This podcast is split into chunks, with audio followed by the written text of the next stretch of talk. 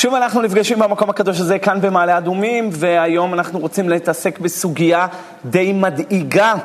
דוח המודיעין חושף את ההפתעות שאיראן מכינה לישראל. משמרות המהפכה הגיעו ליכולת של ירי של טילים בליסטיים וטילי שיוט לעבר ישראל למטרות ממוקדות, לבסיסי צה"ל, למקומות מגורים. אה, מקומות שנמצא שם אחוזי אוכלוסייה צפופה כדי להשיג כמה שיותר אה, מטרות אה, בהשמדת אוכלוסייה המונית. האמריקאים מביעים דאגה להשתוללות האיראנית במרחב של המזרח התיכון ולריצה של איראן להגיע ל... לידי נשק גרעיני.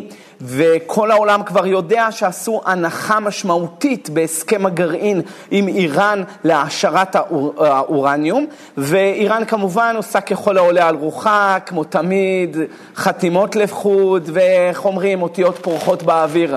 מה שכתוב ומה שרוצים בשטח עושים בשטח, וממילא הדאגה הולכת ומחריפה בקרב חוגים שונים ואפילו חוגים של המודיעין בישראל, והכי גרוע, טלית על כולנה, הדובדבן שבקצפת, זה כמובן החיבור של איראן לנשיא אה, רוסיה, שכמובן הוא אה, פוטין, ולדימיר.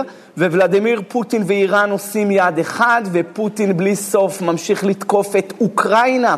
וגם שזה כבר אולד uh, פשן, כולם חושבים שהוא כבר הפסיד. היינו בטוחים שאחרי חודש, חודשיים, תתלקח המלחמה למלחמה כלל עולמית, ומה שיקרה זה שחלק מהצדדים יתפסו צד עם רוסיה ואיראן, וחלקם עם ארצות הברית ובנות בריתה, מה שלא קרה.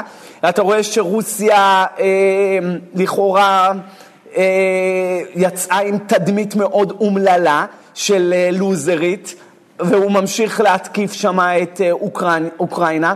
אני לא חושב שהוא יודע איך לצאת מהמצב הזה בעצמו. יש עליו שמועות שהוא חולה, יש שמועות שהוא בכלל רוצה לפוצץ את הכל בעצמו ואת אמות נפשי עם פלישתים. אף אחד לא בדיוק יודע מה עובר בראש של הרוסי הזה, אבל מה שבטוח שהוא משחק רולטה רוסית על המדינה שלו, ולא אכפת לו ללכת על כל הקלפים ולהתאבד, להיות אה, שהיד רוסי. השאלה מה הולך לקרות ברגע שרוסיה התחברה לאיראן, ואיראן ורוסיה הם יד אחת נגד ישראל, הגם שישראל השתדלה מאוד לשמור על איפוק וסטריליות ואובייקטיביות כלפי רוסיה, ברגע שהם... אה, שר החוץ לשעבר, מר יאיר לפיד, הביע את דאגתו ומורת רוחו נגד התקיפה באוקראינה, ואז ולדימיר פוטין התעצבן מה בדון מדינת ישראל מתערבת, וכמובן הוא שחרר הודעה לטלוויזיה אה, ולכל, ה, ולכל המדיה שאיראן מאוד מודאגת מההתערבות הישראלית בפשעים שהם עושים נגד העם הפלסטיני, ואז נכנסנו, תודה רבה ליאיר לפיד, בוא נגיד לו תודה רבה, זו ההזדמנות, זו הבמה, תודה רבה שהכנסת אותנו לצרה הזאת, והפכת את פוטין לאויב שלנו עם ההצהרות חסרות הטעם, וזה כל כך לא נכון לעשות את זה, וזה כל כך טעות פוליטית, אבל כמובן שכבר טעויות פוליטיות יש לבחור הזה כבר הרבה זמן.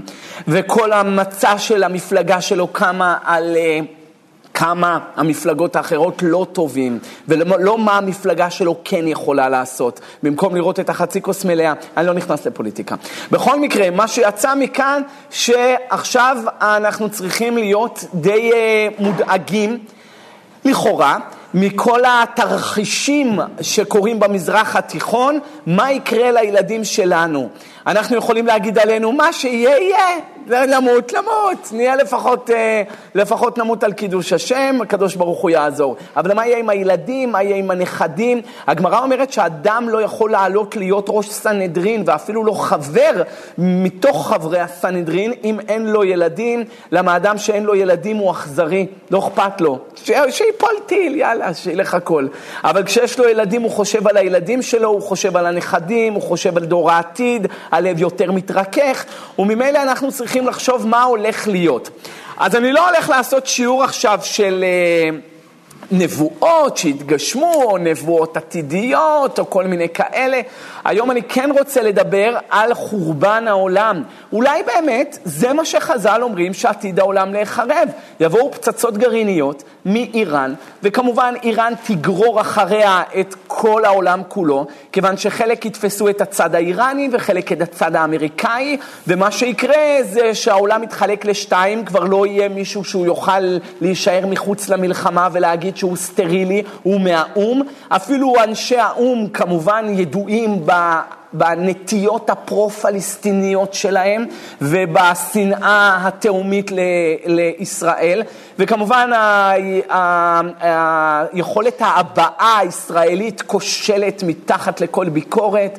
אין להם יכולת הסברה, והפלסטינים כמובן, יש להם פור גדול מאוד, כיוון שחצי מהעולם הוא ערבי, אז ממילא העולם הוא הרבה יותר פרו-פלסטיני מאשר ישראלי. ולכן אני לא נכנס עכשיו לכל מיני נבואות וספקולציות ומה עתיד להיות, אין לי רוח הקודש, אני בסך הכל לומד מתוך הספרים כמוכם, אין לי איזה אה, אה, כוח בלתי קונבנציונלי שינבא לי את העתיד, ופתאום אני רואה ואני מרגיש, אני לא רואה ואני לא מרגיש, ובקושי מסביבי ומימין ומשמאל אני רואה ומרגיש. אבל כן אני יכול להשתעשע איתכם בדברי תורה. הלא חז"ל אומרים פעמיים בש"ס, סנהדרין צדיק ז', ראש השנה ל"א, עם הרב קטינה, שיט אלפי שנייה ועלמא וחד חרוב. העולם הזה במתכונתו עתיד להתקיים ששת אלפים שנה, ובאלף השביעי, או לפחות לקראת האלף השביעי, העולם עתיד להיחרב כליל. זה מה שהגמרא אומרת. נחלקו בגמרא אה, אה, אביי ותנא קמא, כמה העולם עתיד להיחרב, האם הוא עתיד להיחרב, רב קטינה אומר אלף אחד, היינו האלף השביעי, ואביי אומר שני אלפים, שביעי ושמיני. אבל זה כבר אחרי החורבן. אני שואל מתי החורבן הזה צריך להגיע, והחורבן הזה אמור להגיע לקראת סוף האלף השישי. נשאר לנו כמה זמן עד סוף האלף השישי?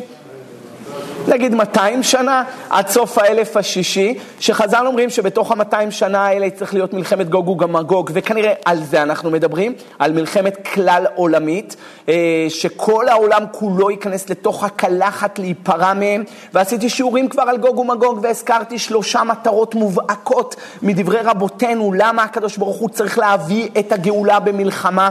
הבאתי את הגמרא במסכת מגילה בדף י"ז, שהגמרא אומרת שם מלחמה התחלה דגאולה. היא. המצב כמו שעכשיו, המצב הישראלי, החברה משוסעת, החברה קטועה, דיברתי על זה בבית כנסת היעזדים, עשינו על זה שיעור בבית כנסת מוסיוף בשבוע שעבר, הזכרתי בהזדמנויות שונות, עשינו גם כאן שיעור שקראנו לו הבירור האחרון, שאתה רואה שהחברה הישראלית כבר לא הומוגנית, כבר לא חולקת את אותם רעיונות, זה אף פעם לא היה, אבל בקטביות כזאת, בקיצוניות כזאת, בשנאה כזאת, רק עיוור לא יכול לראות את הכאוס והמדרון שאנחנו דוהרים אליו. וממילא, רבותיי, צריך לבוא לפה איזו מלחמה גדולה, והמלחמה הגדולה היא זאתי שאחריה יהיה בנייה מחודשת של מדינה חדשה, של עולם חדש, של עולם מתוקן במלכות שדי, וזה חייב לבוא על ידי הריסת המוסכמות החברתיות המוכרות הישנות, ואחריהם בנייה של עולם חדש, של עולם שבו מלכותו יתברך מגולה עין בעין, ואף אחד לא יכול להכחיש את מציאותו יתברך בעולם. היה ששת אלפים שנה של זמן של הגיים, גיים אובר, בסוף האלף השישי, ומעכשיו יש עולם חדש עם אכילת המוכן של מה שהיה במשך הששת אלפים שנה. מתי החורבן הזה? מתי המלחמה כלל עולמית הזאת? מתי זה עתיד להגיע? אז חז"ל אומרים ששת אלפים שנה, ואנחנו יודעים שזה לאו דווקא צריך להיות ששת אלפים שנה שלמים.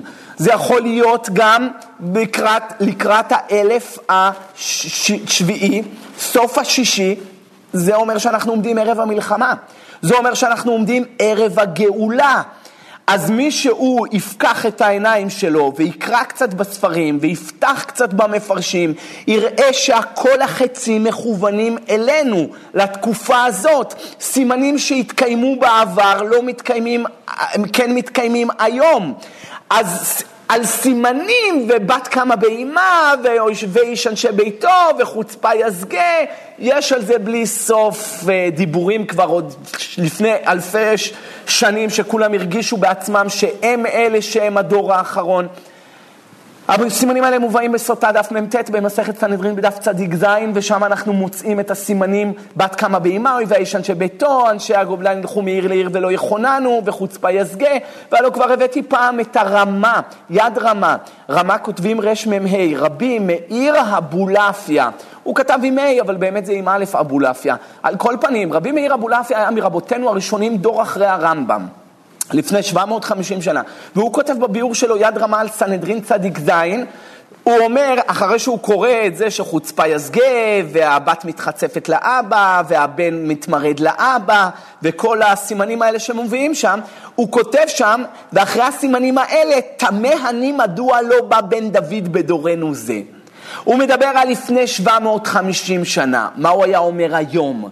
היום כבר ילד מזמין משטרה לאבא שלו, היום כבר בארצות הברית הגיעו לחקיקה כל כך מעוותת, שאם ילד בן תשע רוצה להתלבש כמו ילדה, מותר. ואם לא ייתנו לו, הוא יכול לתבוע את ההורים שלו. וזה מה שהיה עם טארגט, זה אחד הרשתות הכי גדולות בארצות הברית, שהם הביאו ליין של בגדים שהם של בנות, של בנים ובנים בנות, בנות מתלבשות כמו בנים ובנים כמו בנות ובנות כמו חתולים וחתולים כמו עכברים, ועשו עליהם חרם צרכנים, וטארגט הפסידה עשר ביליון דולר בחודש האחרון מהחרם צרכנים שעשו עליה. זאת אומרת, אתה רואה שכאילו נהיה כאן... אה, אה, אה, אה, הטהרה של הטומאה. לקחו את הטומאה, קידשו אותה, מי שירצה לעשות ניתוחים, מי שירצה לשנות את עצמו, להיות טראנס, להיות... אה, ל... מגיל שמונה כבר בארצות הברית, הכניסו את זה לתוך החינוך, יש בובות כבר. אני לא האמנתי, אני הלכתי לקנות אה, צעצועים לילדים שלי כשהייתי במיאמי. אז כשנכנסתי לחנות, אז הילדים תמיד מבקשים ממני אה, לקנות להם לגו. אז uh, הלכתי, נכנסתי לחנות לגו, והיה שם כל מיני בובות. טוב, הסתכלתי על הבובות, יש לי ילדה קטנה בת שלוש, אמרתי, אני אביא לה איזה משהו. פתאום אני רואה בובה, אני אומר לכם, עיני עינק, אני רואה שם בובה, שהבובה הזאת של ברבי, שכתוב עליה טראנס. עכשיו, על, הב... על, הב... על הברבי זה בובה של ברבי גבר שעשה ניתוח לאישה ומתלבש כמו אישה. אם אני אראה לכם את זה, אתם לא תאמינו לבובה הזאת, זה קיים בעולם. אז עכשיו כשילד משחק עם זה, מה הוא מבין? איזה הזדהות, איזה התפתחות מינית תהיה לו? אני לא מבין כאילו איך זה הולך להיות. הילד, עכשיו מכניסים את הילדים לכאלה אה, מחשבות שהוא בעצמו מבולבל עם עצמו. כל הזהות שלו משתנה. ולכן אתם רואים שהעולם הולך ודועך, לא יהיה מנוס ממלחמה כלל עולמית, להחריב הכל ולבנות הכל נקי. הכל מתוקן. כי איך שהחברה נראית היום, אין לזה תקנה כבר. אתה רואה רק, אה, אתה רואה רק, אתה אומר כבר מה נשאר. מה נשאר? עוד דור אחד, מה יישאר פה? אם זה כבר ילדים בגיל תשע יכולים לעשות ניתוחים לשינוי ולהגיד אני רוצה להיות ילדה, ילד רוצה להיות אישה, אישה רוצה להיות גבר, גבר רוצה להיות חתול. אז זה כבר לא נשאר כלום. אז אתה רואה שהקדוש ברוך הוא לקח את הכל, הגענו לשמרים, הגענו לעקביים, עקבתא דמשיחא, הגענו לסוף, ומהכאן חייב להיות מעכשיו איזה משהו כלל עולמי, ואתה רואה שזה הולך לכיוון. אז אם איראן הולכת ומחמשת את עצמה באופן מדאיג, עד שאפילו ארה"ב, אחרי שתי עשורים, שתמיד הייתה נגד המדיניות הישראלית, והחליטה ארה"ב לשתף פעולה ולשלב יד אחד עם המודיעין הישראלי, אז אתה רואה שגם ארה"ב הברית מבינה שהעולם הולך לכיוון מלחמה, למלחמה, ולא יהיה מדינה שתוכל לצאת מזה. אמ, אז האם המלחמה הזאת, הכלל עולמית, הולכת להחריב את כל העולם, כמו שחז"ל אומרים? אז חז"ל אומרים במסכת סנהדרין צדיק ז' וראש השנה ל"א, אמר רב קטינה שיט אלפי שני אבו עלמא וחד חרוב, שנאמר ונשגב השם לבדו ביום ההוא. העולם יחרב והקדוש ברוך הוא יישאר לבד. זה מה שאומר רב קטינה. אביי אמר תרי חרוב, אלפיים שנה הוא יהיה חרוב. שנאמר יחיינו מיומיים ביום השלישי יקימנו ונחיה לפניו. זאת אומרת, אביי מבין שהעולם יהיה חרוב אלף שביעי, אלף שמיני, כך מבאר רש"י, ובאלף התשיעי יקים אותנו לתחייה ויהיה תחיית המתים. ככה מבין אה, אה, לפי הפירוש של רש"י. מתיקוני הזוהר, תיקון ל"ג דף ע"ז עמוד ב', עולה תמונה כמו רב קטינה, שעתיד העולם להיחרב אלף שנה, אה, שהחורבן יהיה אלף, והוא מקביל את זה לשבעת ימי השבוע. ואז הוא כותב שמה שהיום הראשון זה כנגד האלף הראשון, היום השני כנגד האלף השני. ככה הוא מבאר, האלף השישי כנגד היום השישי, לכן שישי זה יסוד, זה הטעם למה הזכרתי את כל הטראנס וכל הסטיות והסוטים וה, וה, וה, והסטיות העצומות והניסיונות העצומים שיש בענייני עריות, כי אנחנו באלף השישי, זה האלף של היסוד, זה הניסיון של הדור, זה ניסיון של שמירת הברית, מה שלא היה פעם, אדם פעם היה רוצה לחתום, מה חז"ל אומרים בחגיגת ט"ז? ילבש שחורים, יתעטף שחורים, ילך לעיר השכנה, יעשה מה שליבו, היום לא צריך להתעטף שחורים ולא ללבוש שחורים, אפשר לקרוא לטומאה לבוא אליך ואתה הולך לבר והטומאה מתחילה איתך, אתה כבר לא צריך להתחיל איתם, פעם. אהלן, מה השעה? פעם, מה קורה? איך קורה? מה היום? היום היא מזמינה אותך, אתה יושב בבר, פתאום אתה מקבל מהמלצר אה, כוסית. מה? זאתי הזמינה אותך. אתה מסתכל עליה, ואיפה זה נגמר? אז זה נגמר בגיהינם, בסוף זה, זה גיהינם. בסוף זה גיהינם, מה שיהיה בדרך זה דברים אחרים, אבל בסוף זה גיהינם. ככה זה. מישהו אמר לי שהוא ישב ו... במועדון של straight, כן? ומישהו הזמין לו אה, שתייה.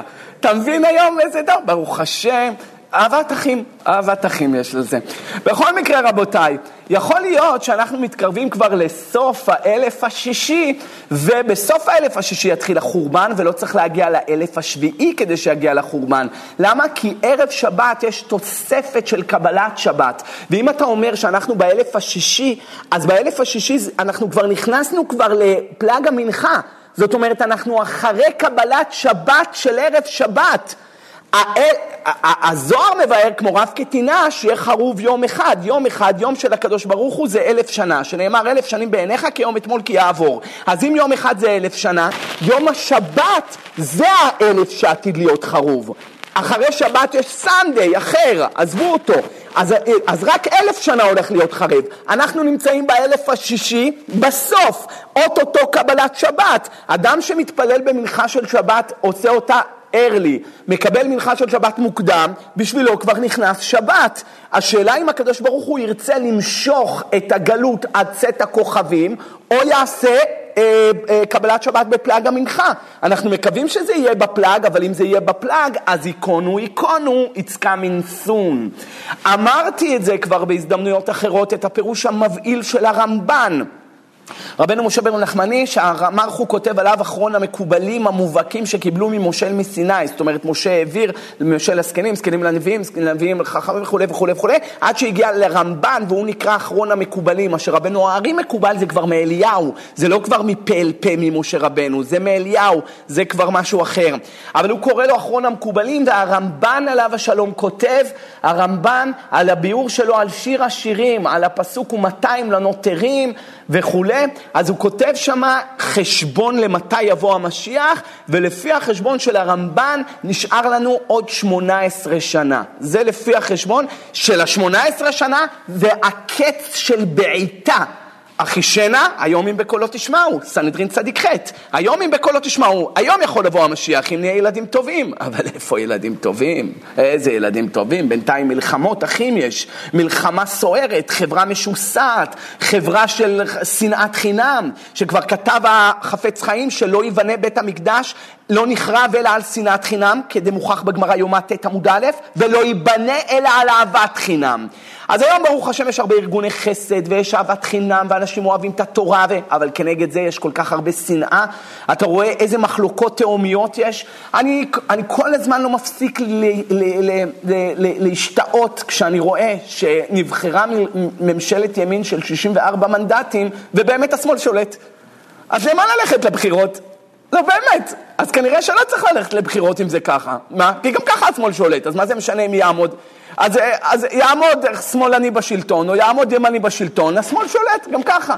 וזה מה שכותב הזוהר, זוהר בראשית כ"ה, זוהר חדש דף מ', בסוף הימים הערב רב ישלטו. והזוהר כותב שמה חמישה סוגים ערב רב. דיברתי על זה בשיעור במוסיוף, אפשר לפתוח את הזוהר, לראות את זה, אם אתם פותחים כדאי שתפתחו עם המתוק מדבש, הוא סיכם שמה עם המפרשים את כל החמישה סוגים של הערב רב, והם שולטים, תרצה לא תרצה. אז מה זה משנה באמת, מה, מי יעלה, לא יעלה, הם השולטים. עד מתי? עד שהקדוש ברוך הוא ינער, יתפוס כנפות הארץ וינער ממנה רשעים, ויחליט לעשות פה סדר, להראות מי בעל הבית. אבל בינתיים הרשעים חוגגים ועושים ככל העולה על רוחם. אז אם הקדוש ברוך הוא יחליט להכניס שבת מוקדם, אז זה צריך להיות לפני ה-18 שנה. אבל אם והיה והוא רוצה להכניס את השבת בצאת הכוכבים ולה, ולהביא את החורבן, זה יהיה עוד 18 שנה. זאת אומרת, לפי הרמב"ן, עוד 18 שנה החורבן הכללי חייב כבר להגיע. זה יכול להגיע לפני, אנחנו לא מפחדים כי מי שילמוד תורה, ושאלו כבר תלמידיו של רבי אליעזר הגדול, מה יעשה אדם להינצל ממלחמת גוג ומגוג, צדיק ח' עמוד ב' במסכת סנהדרין, אמר להם יעסוק בתורה וגמילות חסדים. זאת אומרת, תורה לבד זה לא מועיל, גמילות חסדים לבד זה לא מועיל, צריך קומביניישן, שתי הדברים ביחד. תורה זה רמז לחסדים, תורת חסד הלשונה, וגמילות חסדים זה שאתה עושה לפנים משורת הדין, נותן לאחר מהזמן שלך, מהכסף שלך, מהקשרים שלך, הגם שלא מגיע לו, אז גם איתך יעשו לפנים משורת הדין. כי קיימלן בדף ט' במסכת סוטה, כל מידותיו של הבורא ברוך הוא מידה כנגד מידה. אז אם אתה עושה עם מישהו לפנים משורת הדין, גם איתך יעשו לפנים משורת הדין. אין אדם מעני מהצדקה, אין אדם נפגע מהחסד, אין אדם... אה, אה, אה, מבזבז את הזמן כשהוא, כשהוא עושה, אה, כשהוא לומד תורה, אדרבה, אה, הכל חוזר אליו בחזרה. כל שכן מצוות צדקה שנאמר והיה מעשה הצדקה שלום, שיביא עליו שלמות. אז, אז לא צריך לדאוג. אם אנחנו רוצים להינצל מכל המלחמות והפורענויות, יעסוק בתורה וגמילות חסדים. זה קודם כל לפני שאנחנו מתחילים את הסוגיה, עוד לא התחלנו אותה, רק הקדמות, אבל לפני שמתחילים את הסוגיה, של להרגיע את רוחכם, שלא תפחדו ותוכלו לישון טוב, מי שיעסוק בתורה וגמילות חסדים ינצל.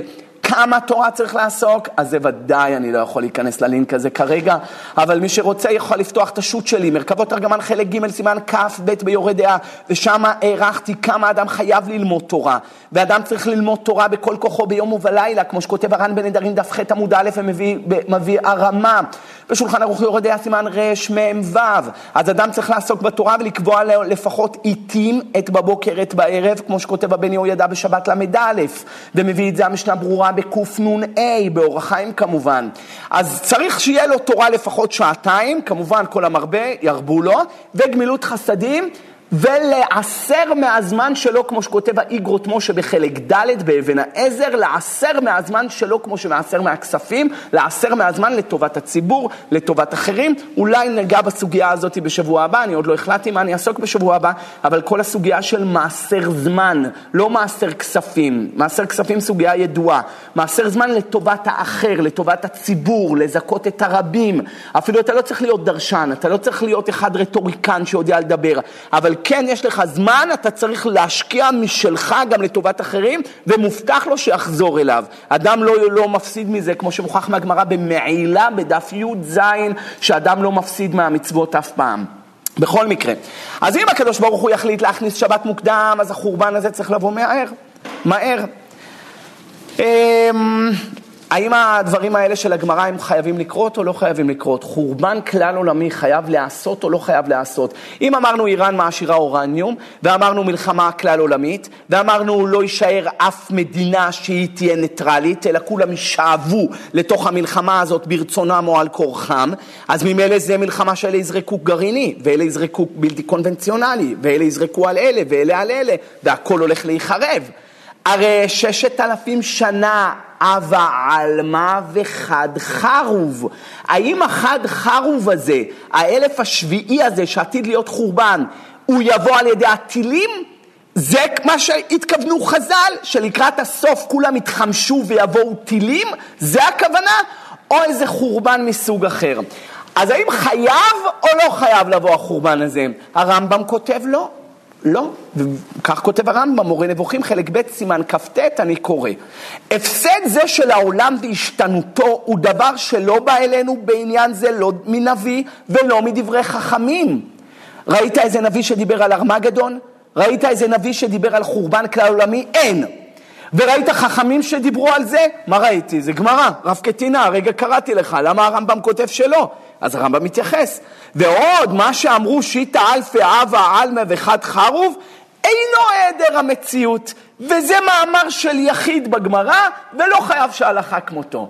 כך כותב הרמב"ם, וממילא הוא מסתייג מכל המאמר הזה והנבואה השחורה של רב קטינה שעתיד העולם להיחרב. חולק עליו נחרצות הרשב"א, והרשב"א יכול לחלוק עליו. רבי שלמה בן אדרת היה מרבותינו הראשונים, לכן ראשון יכול לחלוק על ראשון, אבל אחרון לא יכול לחלוק על ראשון. זה אי אפשר, זה בלתי אפשרי, זה לא דרך כבושה שהלכו בה אבותינו מעולם. מעולם לא חלקנו על ראשונים. היו כאלה שחלקו, כמו אחוות יאיר חלק על ראשונים, מצאנו לו כל מיני, כל מיני סוגיות שהוא חולק על הראשונים, אבל רוב העולם ראשון חולק על ראשון. עכשיו רמב"ם היה מרבותינו הראשונים לפני 800 שנה, הרשב"א אותו דבר, מרבותינו הראשונים. שאלות ותשובות הרשב"א, קודם כל מי זה היה הרשב"א? רבי שלמה בן אדרת היה רבה של ברצלונה. היה גאון גדול בספרד, בשנת 1235 הוא נולד, הוא קיבל שאלות מכל העולם היהודי, כולם סמכו עליו. מספרד, פורטוגל, צרפת, אשכנז, טורקיה, צפון אפריקה, איטליה, אפילו מהיישוב המדולדל בארץ ישראל, הרשב"א קיבל שאלות, בלי הגזמה. יש בשולחן ערוך אולי מאות פסקים שנפסקו על סמך הרשב"א. אפשר לראות אותם מצוטטים בבית יוסף, הוא כתב פירוש לתלמוד, אין לך ישיבה שלא מזכיר את הרשב"א. אין ספר הלכות יביע עומר ומטה. כולם מזכירים, או ומעלה, כולם מזכירים את הרשב"א על כל סוגיה, בהלכה, בהגדה, בפירושי המשניות, הגמרות. הוא היה דמות מיוחדת, רבה של כל צפון אפריקה, אחר כך הוא נהיה, אה, מחילה, זה היה הריבש, רבה של צפון אפריקה, הוא היה רבה של ברצלונה, כמו שהזכרתי. יש לו תשובות אה, אה, אה, עצומות, יש לו המון המון תשובות. מה שמיוחד בראשונים, הם היו נשאלים שאלות גם בהשקפה, בראייה, בהבנה יהודית, בהגדה. היום אם אתה תראה בשו"ת של אה, אחד מהגדולים, שאלות בהגדה, מה יגידו עליו? אה, רצה למרוח סימן, אז הכניס פה אגדות, הוא לא כל כך חזק בהלכה. אבל בראשונים אתה לא רואה את זה. כל הראשונים נשאלו שאלות בהלכה, בהשקפה, בהגדה. לחתם סופר יש אפילו אה, תשובה אחת שהוא כותב לתלמיד שלו. תלמיד שלו, תשובה מדהימה, שו"ת חתם סופר ס"ט, והוא נשאל שמה על ידי תלמיד שלו, שאשתו ממררת לו את החיים. ככה, כמה פלא, פלא פלאות.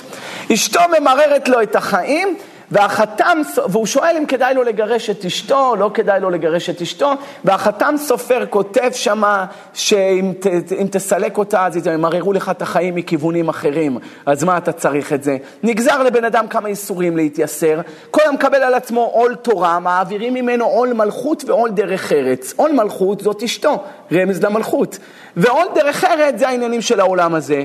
והוא כותב שמה, ואם אף על פי כן היא ממררת אותך, טוב לגבר שיסבול קצת. ככה הוא כותב. אני בטוח שהוא כתב לו בחזרה קצת, אבל לא הרבה, והיא ממררת אותי הרבה. אבל על כל פנים, רבותיי, יש שאלות בחתם סופר שאנחנו מוצאים כל מיני מתוקים אצל החתם סופר. שם הוא, מישהו, אחד השאלות שם, מישהו שואל אותו שהוא הפך להיות רביי של קהילה, והקהילה ממררת אותו, הבעלי בתים, אם כדאי לו לפרוש. ואז הוא כותב שמה שלכל מדרגה בקדושה יש קליפה, אם יש קליפה נגדך זה אומר שאתה בקדושה, לכל יעקב יש לבן. אם אין לך לבן, סימן שאתה לא יעקב.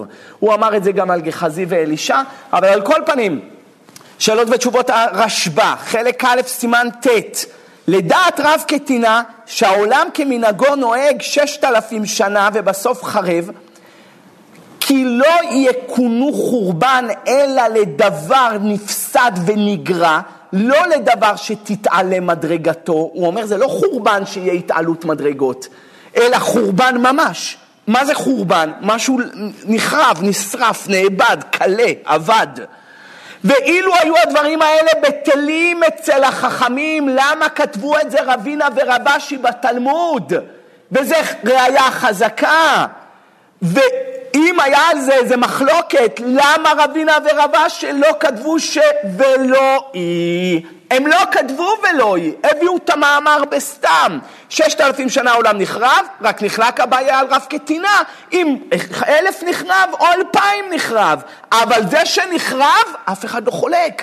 ואם זה היה דבר לא מוסכם, כותב הרשב"א, בהכרח שהיה צריך להעיר על זה בגמרא, ומעצם זה שלא העירו, מלמד שזה חייב שיקרה חורבן העולם. היה אדון יצחק אברבנאל שהיה דמות פלאית אה, אה, בזמן גירוש ספרד, 1492, הוא נולד בפורטוגל אה, ב-1437 למשפחה מיוחסת עד דוד המלך. היה, היה מיוחס עד דוד המלך. מונה לשר האוצר של פורטוגל, ואחר כך שר האוצר של ממלכת קסטיליה שבספרד. מה שמיוחד בביאור האברבנאל, הוא מתייחס לכל הפרשנויות של הנוצרים בתקופתו, הוא בקיא בהיסטוריה המוסלמית, הוא בקיא בהיסטוריה הנוצרית, הוא יודע לקשר אותם עם הפוליטיקה אה, אה, אה, של ימיו, מדהים ללמוד אברבנאל. חבל שברוב ההוצאות של הנביאים כתובים השמיטו אותו, ולמה השמיטו אותו? כי הוא כותב המון, המון. לא שהוא כותב באריכות, יש לו מה לומר.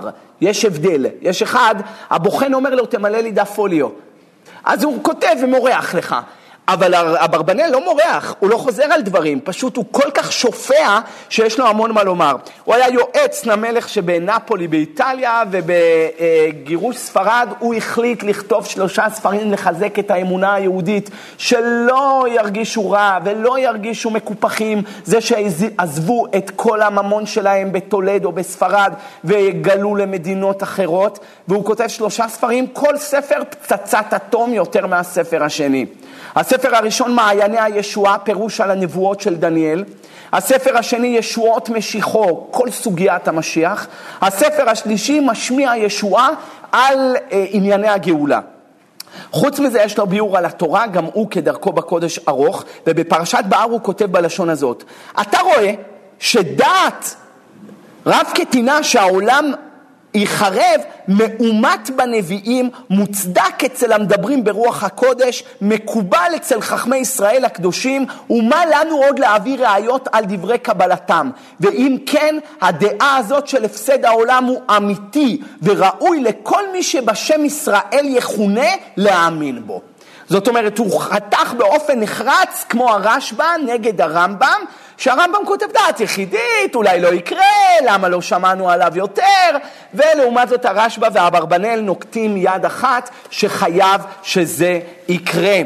רב סעדיה גאון שהיה עוד הרבה לפני כולם, הוא עוד מתקופת הגאונים, זה 1200 שנה, 1300 שנה, זה תקופת הגאונים, רב האי גאון, רב סעדיה גאון, רב שרירה גאון, רב נטורנאי גאון, ריץ גיאת, רבנו חננאל, כולם היו מהתקופה שלפני אלף שנה, היו אה, כמעט הספרות שנשאר לנו ממנה היא דלה ואינה.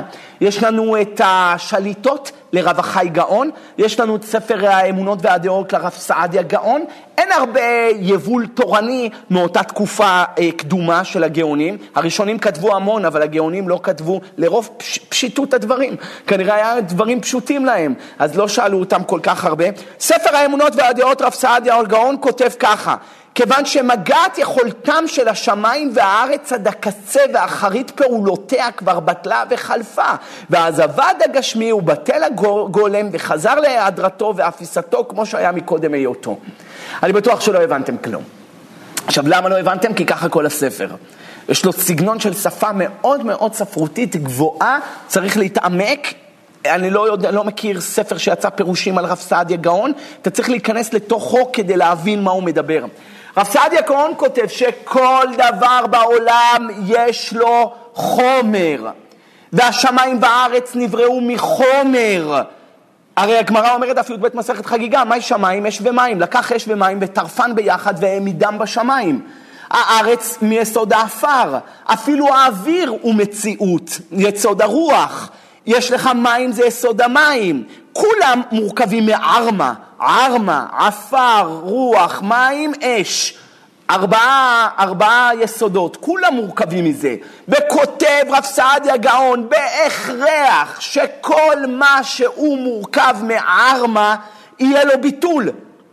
יש משהו נצחי. הדבר היחיד נצחי זה אין סוף ברוך הוא. חוץ ממנו, כלום לא נצחי.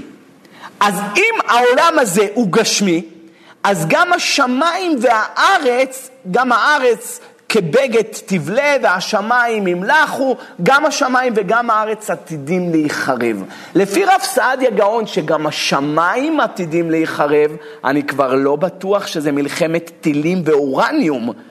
כי מלחמת טילים ואורניום לא מחריבה את השמיים. היא מחריבה אולי את הארץ מתחת, אבל לא את השמיים ממעל. כנראה שמדובר פה על חורבן הרבה יותר מסיבי מהדמיונות שלנו על פצצות וטילים. משהו הרבה יותר מסיבי, גם השמיים אמורים להיחרב לפי רב סעדיה גאון, ככה עולה.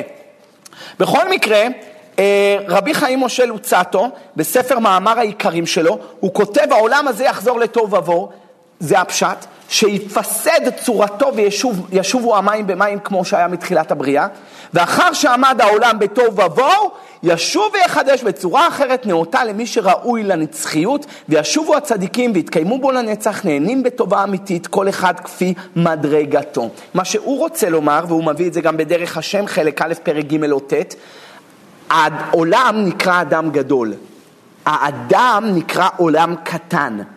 אז כמו שהעולם הקטן, שזה בן אדם, מת, ומתכלה הזוהמה הגשמית שלו, ובתחיית המתים הוא יקום מזוכח, הוא עדין אותה דרך צריך העולם שנקרא אדם גדול לעבור.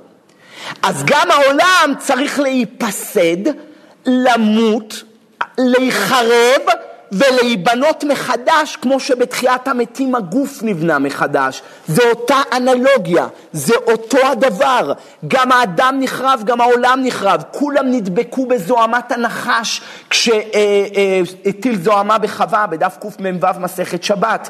וממילא האדם צריך להיחרב ולהיבנות מחדש, העולם צריך להיחרב, יתעכל זוהמת הנחש, והוא ייבנה מחדש בצורה נאותה, נקייה ומזוככת, ומי שיזכה... יזכה, ייכנס, אה, ייכנס למציאות הזאת. אה, ורבנו הארי מסביר את זה יפה מאוד בספר עץ חיים, התהפכו אל מה שהיה. מה היה לפני הבריאה זה מה שעתיד להיות. הוא מסביר ככה, הוא מסביר את זה במילים שלי קצת, אבל זה הרעיונות שלו. כשהקדוש ברוך הוא ברא את העולם, לא היה כלום. ואז הוא החליט לברוא את העולם מאין, היינו עין בעברית זה כלום, מאין ליש. מה שיקרה בסוף העולם זה להחזיר את זה מיש לעין, חוזרים למקור. וזה בדיוק עניין של נשיפה ושאיפה. זה בריאת העולם, והחזרה, הכל חוזר למקורות. הכל נסגר. ואז העשייה, כבר אין מה לברר, עולה ליצירה. וביצירה אין מה לברר, עולה לבריאה. והבריאה אין מה לברר, עולה לאצילות. אצילות לאחף, אחף לאק, אק לסטיימו, תאירו, אק סטימאה, עד שחוזר לאינסוף ברוך הוא ונסגר העולם. מה יהיה איתנו? רק הקדוש ברוך הוא יודע. שווה להיות ילדים טובים, רבותיי. שווה להיות ילדים טובים ולא לעשות בעיות, ולא לעשות בלאגן ולא לעשות עבירות. אז עכשיו הסברנו את העניין הזה של, אה, של אה, אה, סוף העולם. לא הסברנו מתי זה עתיד להיות. דיברנו סוף האלף, אבל מתי? אז יש זוהר, באידרא רבא, זוהר נשוא קל"ו עמוד א', מה אני אגיד לכם? כל המפרשים של הזוהר הזיעו, הזיעו לפרש את הזוהר הזה, לא ברור. אני אקרא לכם, אולי אתם תגידו מה שהמפרשים לא אמרו. מחללה תניאנה, מהחלל השני של מוח הבינה, מתבקע ומתפשט חד מבואה אחרא, נפתח ונבקע קרום אחד שעל המוח, ומתפתחין חמישין תרעין, ואז נפתחים חמישים שערים. ומעילין חמישין תרעין איתך דד חמישין יומין דאורייתא, ואז זה רמז לחמישים ימים של התורה, חמישין שנין דיובלה, כנגד חמישים שנים של היובל, חמישין אלף דארין, והם רמז לחמישים אלף דורות. דזמין קודשא ברכו לאט ורוחלה, שעתיד הקדוש ברוך הוא להשיב את הרוחות לחמישים אלף דורות, ולשר יבה. ולהשרות בהם את הרוחות שלהם ויתקיימו לנצח ולא ימותו יותר, ובילה המוות לנצח ומחה אדוני אלוהים פנימאה מעל כל פנים, לחמישים אלף דורות. כל המפרשים של הזוהר הזיעו שברו, נשפכו ים של דיו ונשברו קולמוסין להבין מה זה שכותב הזוהר חמישים אלף דורות. איך יכול להיות שיהיה חמישים אלף דורות? רבנו מנחם מרקנטי, הוא היה מגדולי המקובלים הראשונים, פרשת באר בביאור שלו על התורה, כותב ככה, שבע שבתות שנים הם שבע שמיטות, רמז כי יחדש הקדוש ברוך הוא עולמו לשבע פעמים, בכל שמיטה פעם אחת. לא תאמינו מה הוא כותב, מזעזע. אז אני מציע לכם להחזיק את הכיסא שלא תיפלו בטעות אחרי שתקראו מה שהוא אומר. הוא אומר שהעולם הזה אמרנו שבע שנים, שבע ימים, שבוע, כן? וזה מקביל לאלף, אז כמה אלפים העולם הזה? שבע. אז הוא רוצה לומר שיש לך שבע ועוד שבע אלף ועוד שבע אלף ועוד שבע אלף ועוד שבע ועוד שבע ועוד שבע. כמה, כמה אלפים יש לנו? שבע פעמים של שבע אלף, אה, אה, פעם, אה, שבע אלף דורות. זאת אומרת שבעת אלפים כפול שבע. והחורבן העולמי הכללי יבוא כאן בחמישים. והיום אנחנו נמצאים רק בשני. זאת אומרת שכשאתה אומר שעוד מעט ייחרב העולם ויתהפך, אתה טועה. זה אתה הולך לגמור רק את האלף, השבעת אלפים של הסט השני, כאן אתה. ומה יקרה אחר כך? ימשיכו אנשים להיוולד, לקרוא, עוד פעם להיוולד, עוד פעם, עוד פעם, עוד פעם, עד החמישים. ביובל, בחמישים, שנת החמישים, אז ייחרב העולם ויחזור הכל לתוהו ובוהו. מייאש? מאוד מייאש, מאוד. אני אקרא לכם אולי את הלשון שתתייאשו גם, למה רק אני? שבע שבתות שנים הם שבע שמיטות, רמז כי יחדש הקדוש ברוך הוא עולמו שבע פעמים, בכל שמיטה פעם אחת. אה, וכן שבע פעמים עד היובל שיחזרו לטוב ובוהו, וזו הדעה, הדעה של עיקר חכמי הקבלה, והוא כותב, כי היובל רמז לבינה ויסוד התשובה, טוב, טוב, טוב, טוב, וחתם, בשנת היובל ואילך אסור לערער מה יהיה אחר כך. אבל זה מה שעתיד לקרות. חורבן פרטי, בכל שמיטה יחרב העולם קצת, עד לחורבן הכללי של הפעם השביעית. ככה הוא כותב. מי מסכים איתו? כמעט כולם. מה אני אגיד לכם? עוד יותר מייאש. כמעט כולם מסכימים איתו. רבנו בחייל, פרשת בעלותך. הנה, פרשה שלנו. פרשת בעלותך. יחרב העולם בסופו של דבר חורבן מוחלט, אך לא יהיה זה כבר באלף השביעי, אלא ביובל שהוא האלף החמישים, כמו שהזכיר הזוהר נשוא. ומי עוד מסכים? ספר הקנה, ספר מערכות אלוהות, דון יצחק אברבנאל, הרמה מפנו, הרדב"ז במצודת דוד, מהרנש, בספר מגלה עמוקות, רבי נתן שפירו, כן? בס... רב... המקובל רבי משה דה ליאון, בספר לבנת הספיר, הציוני על התורה, הגאון מווילנה בתיקונים, כולם מסכימים לחידוש הזה. מי לא מסכים לחידוש הזה? רבנו הארי. ורבנו הארי כתב שכולם טעו. איזה יופי, איזה כוח. אני תמיד אומר, כולם היו זקנים, כולם היו נשואי פנים, כולם היו עם זקנים לבנים. ורבנו הארי צעיר, בתחיית המתים הוא יקום, אתה תראה אין לו שערה לבנה בזקן, הוא מת בגיל 37.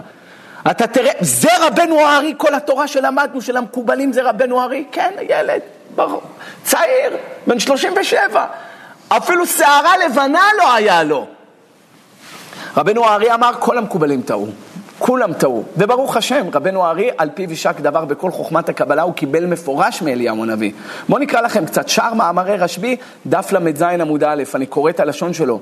להודיעך עניין טעות אחד נפל בפי המקובלים, כמו ספר הקנה ובעל התמונה, אומרים כי שבע שמיטות תהיה העולם, וכל שבע אלף שנה הם שמיטה אחת, וכבר עברה השמיטה הראשונה, ואנחנו עתה בשמיטה השנייה. ואתה הודיעך כי אין להאמין בדברים האלו, וסיבת מה שהביא אותם לידי טעות זה, יתבאר לך בדברינו אלה.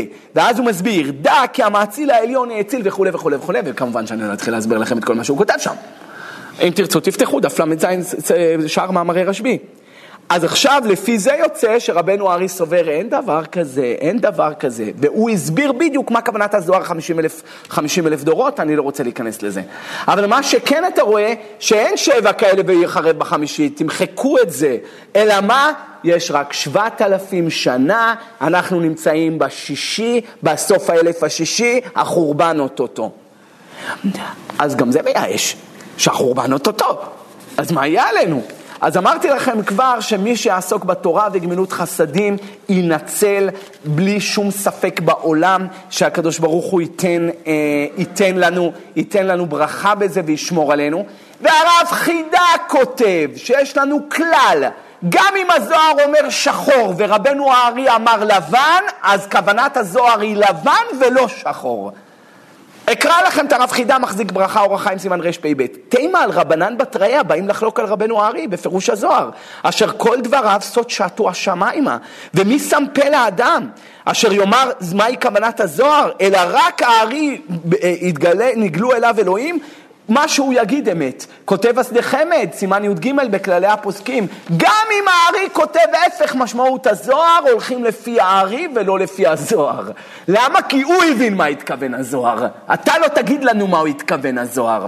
ויש עוד רשימה של גדולים שהבינו ככה, ומי שרגיל ללמוד אה, אה, מכתבי רבנו הארי, הרבה פעמים אמר, הוא כותב שגילה לי רבנו הארי.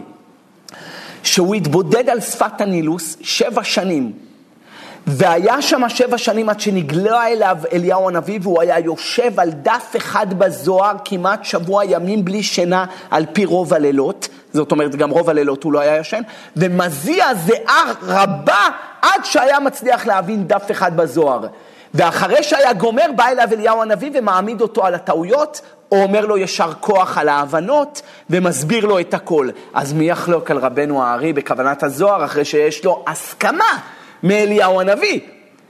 אז ממילא, רבותיי, החורבן בו יבוא, והחורבן קרב, כמו שכותב הרשב"א והאברבנאל, ולא כמו הרמב"ם לכאורה, וממילא אנחנו צריכים לחמש את עצמנו. העולם מחמש את עצמו בנשק, בטילי שיוט, בטילים בליסטיים, בגרעיני, בבלתי קונבנציונלי, כל זה אתה צריך לחמש את עצמך. בתורה, בזוהר, בגמרא, במוסר, במצוות, בצדקות, במעשים טובים.